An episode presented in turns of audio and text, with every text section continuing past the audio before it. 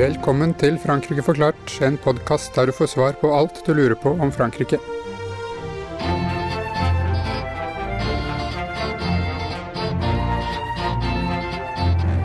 Jeg heter Geir Uvsløk. Og mitt navn er Frank Urban. I dag skal vi snakke om likhet og ulikhet i Frankrike ved å ta som utgangspunkt forskningsarbeidet til Thomas Piketty, en anerkjent fransk samfunnsøkonom som har skrevet mye om fordelingen mellom inntekt og formue gjennom historien. Er virkelig Frankrike, hvis man husker det berømte mottoet fra revolusjonen i 1789, frihet, likhet og brorskap? Er Frankrike likhet, likhetens land? Eller finnes det gode grunner for å kunne si at det franske samfunnet er langt på vei preget av ulikhet? Dette er spørsmål som vi tar opp i dag sammen med vår gjest Kjetil Jacobsen. Velkommen. Tusen takk, veldig hyggelig å bli invitert. Og Kjetil Jacobsen er professor i historie ved Nord universitet. Han har tidligere bl.a. vært professor ved Humboldt-universitetet i Berlin. Han er spesialist på nyere fransk, tysk og norsk kultur- og idéhistorie, og uh, har bl.a. forsket på kosmopolitisme, globalisering, mediehistorie og mediefilosofi. Hans nyeste bok, The Cosmopolitics of the Camera, Albert Kahns Archive de la Planète, kom ut i 2020 og er et samarbeidsprosjekt med bl.a. Albert Kahn-museet i Paris. Uh, Kjetil, la oss begynne med å forklare hvem Thomas Piketty er. Hva slags likhet og ulikhet snakker han om, og hvordan klarte, klarte han å kartlegge når det gjelder altså verden for øvrig, men også Frankrike? Ja, Thomas Piketty han er det mest kjente navnet i en gruppe, særlig franske økonomer, som analyserer ulikhet i, i verdens land, komparativt og over lang tid.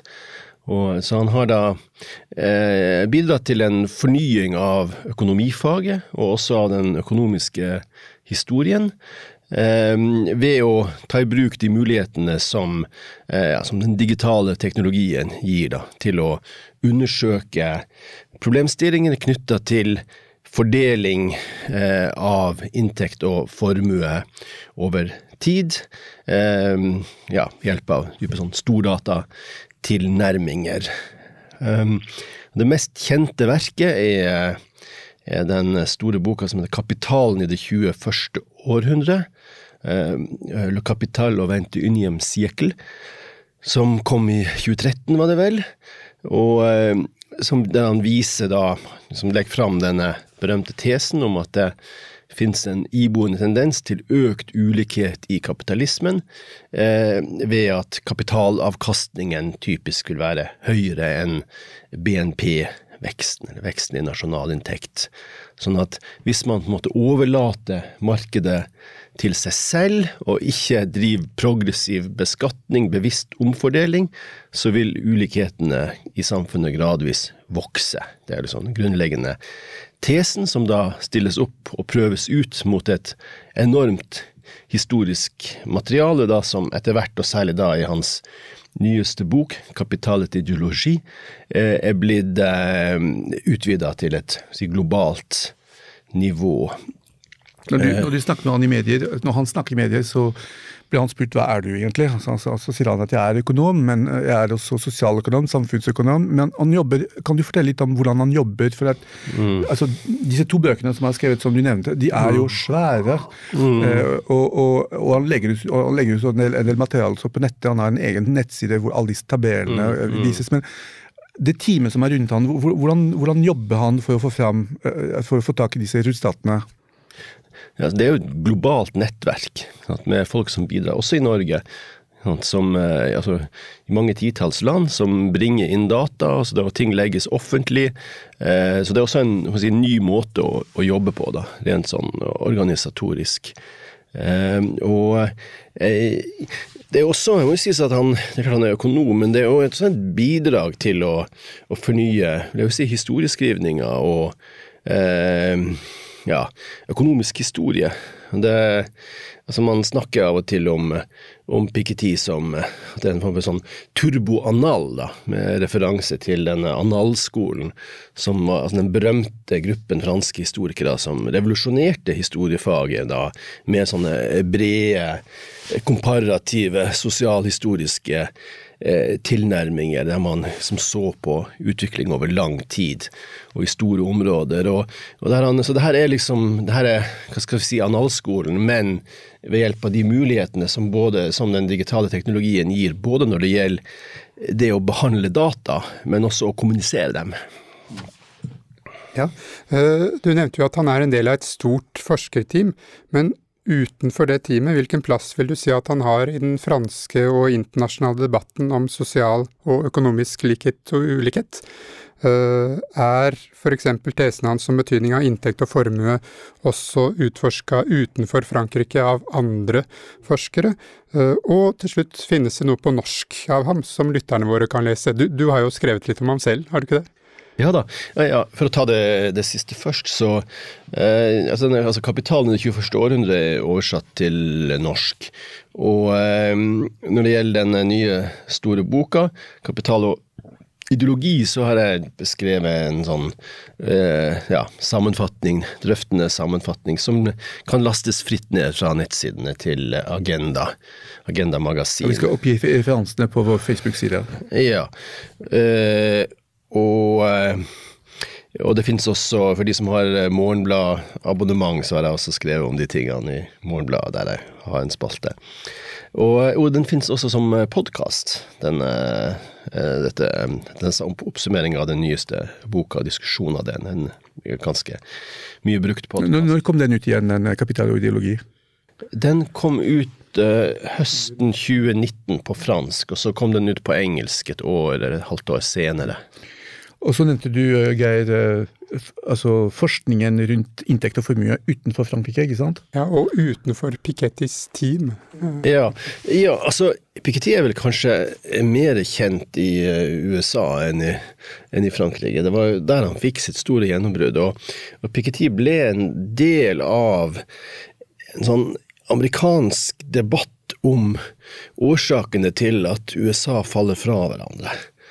Og en opplevelse av at den amerikanske drømmen ikke lenger hadde den legitimiteten som den en gang hadde, at liksom de sosiale avstandene var blitt for store til at det liksom var mulig å komme seg opp og fram da, ved hjelp av dyktighet, hardt arbeid. Og der er det da at Piketty da med med sin forskning og sitt materiale liksom levere si, grunnlaget for en stor debatt da, som har gått i USA og andre vestlige land, også Norge, da, om, eh, om ulikhetene er i ferd med å si, eh, ja, passere en form for grense, da, der samfunnet begynner å falle fra hverandre. At, det blir en, altså at, det blir, at voksende ulikhet blir en trussel mot demokrati, da, for å si det sånn. Ja, vi er ganske begeistret for Piketty alle sammen? Men, men, hvis du snur på det, og hvis du, er, hvis du, hvis du fungerer som djevelens advokat og sier hva er svakheten i eh, hva, hva, hva, blir han kritisert for? Ja, det, er jo, det er jo mange ting eh, du kan kritisere han for. Eh, altså, først er det en del metodiske ting. Eh, altså, han har et litt sånn snevert ulikhetsbegrep, kanskje, som det handler stort sett om eh, eh fordeling av eh, lønnsinntekt og formuesinntekt. Eh, han ser i liten grad f.eks. På, eh, på politisk skjevfordeling, nettverk, sosialkapital. Altså en, en bourdieuianer, min gamle lærer Bourdieu, vil jo liksom savne ganske mye her. Eh, og, og, så er det også et sånt metodisk problem, kanskje, som er sånn tilbakevendende hos han. altså Hvordan han måte, kommer fra disse veldig sånn elegante, sofistikerte og pedagogisk forklarte statistiske analysene til kulturanalyse. Sosialanalyse. Altså det er en sånn premiss og sånn hele tida at når ulikhetene vokser og vokser, konfliktnivået og demokratiet kommer i fare. Men? Og det er nok riktig på et eller annet plan, men det er mer en statistisk sammenheng enn en, liksom en faktisk sammenheng. Så altså, hvordan kommer du fra tall om ulikhet til politisk og kulturell analyse? Altså, der, der gjør han noen raske sprang veldig ofte. Viktig å, å, ta med. Skal vi gå litt tilbake til Frankrike nå? Eh, kan du si litt om for, altså litt bort fra Piketty og, og, og, mm, litt inn i, eh, i, uh, historiske sammenhenger? Kan du si litt om forholdet mellom sosial og økonomisk likhet og ulikhet fra og med revolusjonstiden i Frankrike i 1789? Altså, går det an å si hvordan dette forholdet har utviklet seg historisk? Hvem har vinnerne og taperne vært? Mm. Ja, altså her er jo Her finnes det jo veldig fine framstillinger nettopp hos Piketty, som, som viser at altså det er klart, som du sier, Den franske revolusjonen, eh, slutten av 1700-tallet, hadde jo en sånn likhetsambisjon. Og, eh, men det var jo franske revolusjon var jo på samme måte som den norske 1814-revolusjonen, så var jo det eiendomsbesitternes opprør. Og resultatet er jo en sånn befesting av privat eiendom. En og, og, og, og, visjonen var jo at, at når man eh, fikk vekk liksom, den gamle statlige undertrykkelsen, slapp markedet fri, eh, sikra eiendomsretten, så ville jo eh, så ville alle kunne bli kapitaleiere. Det var egentlig drømmen, da, at alle skulle kunne hevde seg på markedet. Og, eh, men så gikk det jo ikke sånn. Og det er jo det da som Piketty sine første arbeider om arve, med utgangspunkt i arveoppgjør data, særlig da fra 1700-1800-tallet, så liksom viser hvordan ulikheten da tvert imot bare øker i de si 100, 110, 120 årene etter eh, revolusjonen, altså fram mot første verdenskrig. Og når du kommer eh, til det man kan kalle sånn, altså Marcel Prousts Paris, ikke sant altså så har du et samfunn med en ekstrem ulikhet. Altså I Paris på Marcel Prousts tid, altså før første verdenskrig, så, så har 1% av befolkninga 70% av inntekten, eller nesten 70% av inntekten. Og det, det sånn at altså Slutten av 1800-tallet så skiller Frankrike og sammen med England Det er klart at det faktum at det her er sentra i svære koloniimperier, og at det flyter penger inn til Paris og London, er også en del av bildet her. da. Men altså, England og Frankrike skiller seg ut som de to landene i verden som trolig, da, i hvert fall i, ja, noenlunde moderne landet, som har størst ulikhet, størst skjevfordeling av inntekt og formue. Mer skjevere fordeling enn la oss si tsarens Russland, f.eks., mm. og på samme tid. Um, men så skjer det jo noe da. Uh, og for Frankrikes del, men det er nokså normalt standardmønster, altså, så, eh, så begynner omfordelinga i retning av et mer egalitært samfunn. Det begynner eh, særlig på 30-tallet, som er Folkefronten og Leon Blum, og eh, fortsetter faktisk under krigen pga. Altså, inflasjon og konfiskeringer og, og nasjonaliseringer etter krigen og utbygging av en stor velferdsstat, ganske sjenerøs velferdsstat. Det, og, eh, sånn at når du kommer fram til altså det punktet der samfunnet er på sitt mest egalitære, som er sånn ja, 70-80-tallet, kanskje Mitterrand i Frankrikes tilfelle, så, så er liksom Frankrike en av de mest, faktisk en av de mest egalitære samfunnene i verden, altså ut ifra sånn, økonomiske kriterier. Ikke fullt så egalitært som Skandinavia, men ikke langt etter. Ja, og da kan vi videre til uh, både neste sammenligning, men også hvis vi du, du, nevnte jo i stad at uh, likhet og ulikhet det er store begreper, og at Piketty kanskje har litt snever bruk av det. man kan jo også tenke på altså, likhet og ulikhet i kulturelt perspektiv, i kjønnsperspektiv, mm, mm. geografisk osv. Og så er det også forskjeller i forståelsen av likhet og ulikhet i forskjellige land. Så uh, hvordan vil du beskrive forskjellen mellom f.eks. For Norge og Frankrike i måten likhetsbegrepet har vært uh, forstått og beskrevet og praktisert på? Ja. Altså, må aller først si at eh, altså, franskmenn er jo like opptatt av likhet som skandinaver, som nordmenn. Altså, det er jo en sånn likhetskultur. Og, og, det er jo noe av grunnen til at vi kanskje som skandinaver har et sånt bilde av Frankrike da, som et, et si, ulikhetenes land. Er jo, altså, dels er det jo som fransk kulturs rykte som en sånn overklassekultur, men, men, dels er det jo fordi at har, altså, fransk kultur selv har vært så egentlig veldig god da, på å påvise ulikhet. Uh, og det, det, gjelder jo forskninga. Det er vel ikke noe land som har så mange kritiske sosiologer som, som Frankrike. Eh, det gjelder eh, litteraturen. Altså, tenk på eh, Balzac, Solan, forfatterne som liksom, gikk inn og viste fram liksom, hele panoramaet av ulikhet på 1800-tallet.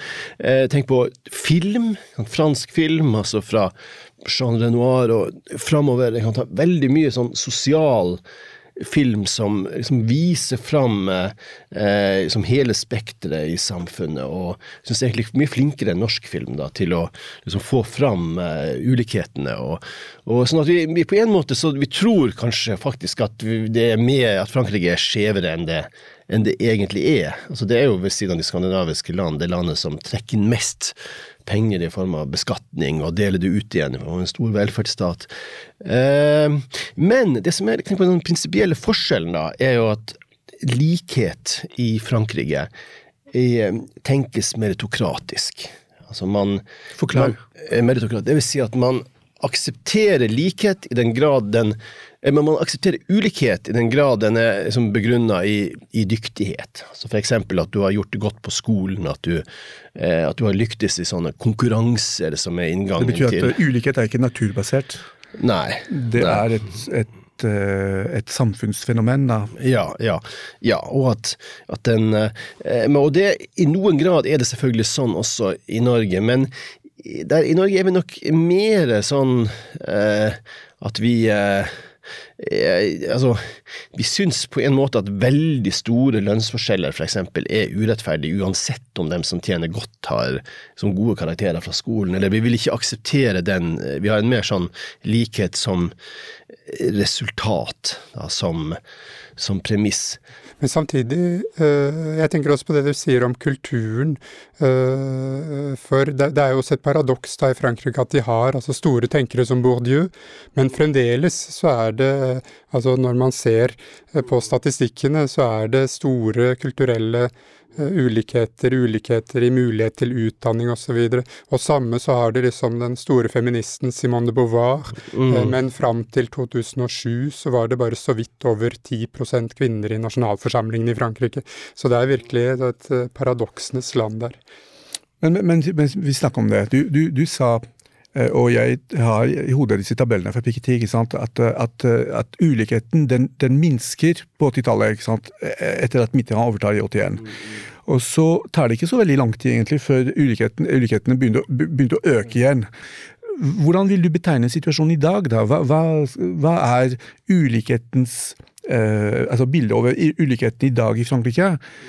Komparativt sant, til uh, tidligere perioder, eller, uh, og, og, i forhold til andre land, hvor, hvor står Frankrike i, internasjonalt når det gjelder ulikhet? Altså, den, sånn, den faktoren, den viktigste sånn, likhetsskapende faktoren i verden i dag, er jo velferdsstaten.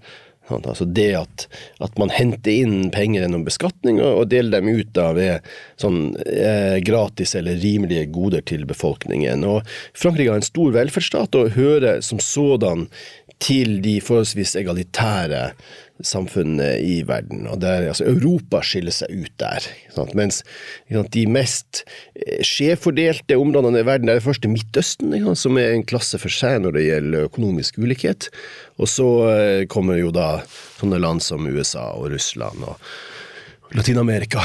Eh, så, men um, altså min vurdering av, eller når, altså utvikling av ulikheter senere år i Frankrike, så jeg tror at det er en god del ting der som ikke helt fanges av de statistikkene som Piketty bruker. Det er sånne nyutviklinger som har dels å gjøre med liksom, kvaliteten på offentlige tjenester, f.eks. Altså, Frankrike har alltid tenkt det, og det er mye riktig i det, det er tradisjonelt sett veldig sånn, gode offentlige tjenester, et effektivt byråkrati, ikke sant, som, og liksom alle franskmenn drømmer jo om å fast jobb i staten, og det er liksom der de flinkeste havner, ikke sant, og, og, og sånn er det, men det er liksom, altså, er det liksom, er dette like, fungerer det så bra som før? Det er én ting. Så har du hele problem problematikken rundt de altså gule vestene og sånt, ikke sant, som har med ja, en sånn sentrum-periferi-konflikt. ikke sant, altså Kan man få til det grønne skiftet uten samtidig å liksom, gjøre noe med, med, sosial, med, med, fordeling, sosial fordeling? altså En følelse av et sånn voksende gap da mellom et liksom, ja, en eh, elite som, eh, som lever eh, grønt i, eh, i, sentrum av storbyene, og det arbeidende folk som fortsatt er avhengig av dieselbiler ute i, i, i distriktene. ikke sant? Og, og, eh, så, og det, er som, det, er da sammen med en del andre variabler, som innvandring f.eks., har bidratt til at Frankrike i dag er et, er et eh, et samfunn som preges av ganske hard, harde indre motsetninger og, og indre strid. Og, ja. Jeg og Frank snakket litt før sendingen i dag om hvordan den uh, nordiske modellen ble brukt uh, i Frankrike, bl.a. av Macron. Så der tror jeg Frank har et spørsmål. Han skulle skandinavisere Frankrike, skulle han i 2017. Og, og, hva sier den tankegangen, altså det at man ser mot Norden, hva sier det om Frankrike i dag? Altså, jeg vil oppfatte det som at det, der, det handler om at Altså en forskjell da, mellom samfunnsstyring i i, i, i, de skandinaviske land og Frankrike, som ellers har veldig mye til felles. da. Og det eh, er at eh, altså den franske eliten, også konservative eliten, har vært veldig sånn egentlig planøkonomisk orientert. Altså Man har ikke vært så egentlig markedsvennlig tradisjonelt. Mens det skandinaviske eh, systemet har tradisjonelt vært veldig opptatt av fordeling, men også relativt markedsvennlig. Og, eh, altså, for det, så Et sånn konkret område som Macron da liksom viste til Skandinavia, var jo dette her med oppsigelser. Sånn de, altså, I Skandinavia er det relativt, er jo blant de landene i Europa det lettest å si opp folk. Man har det svakeste oppsigelsesvernet. Og det, jo, det gir jo da, Men det er jo også kobla til at man ikke har det er for samfunnskontrakt. Man har ikke arbeidsledighet, man har liksom, gode sosiale ordringer, så folk kan finne ny jobb hele tida. Mens det franske systemet der du har Det er veldig vanskelig å si opp, si opp arbeidere, og så har du høy arbeidsledighet osv. Det er veldig sånn rigid, da. Og det, det oppfattes som et problem.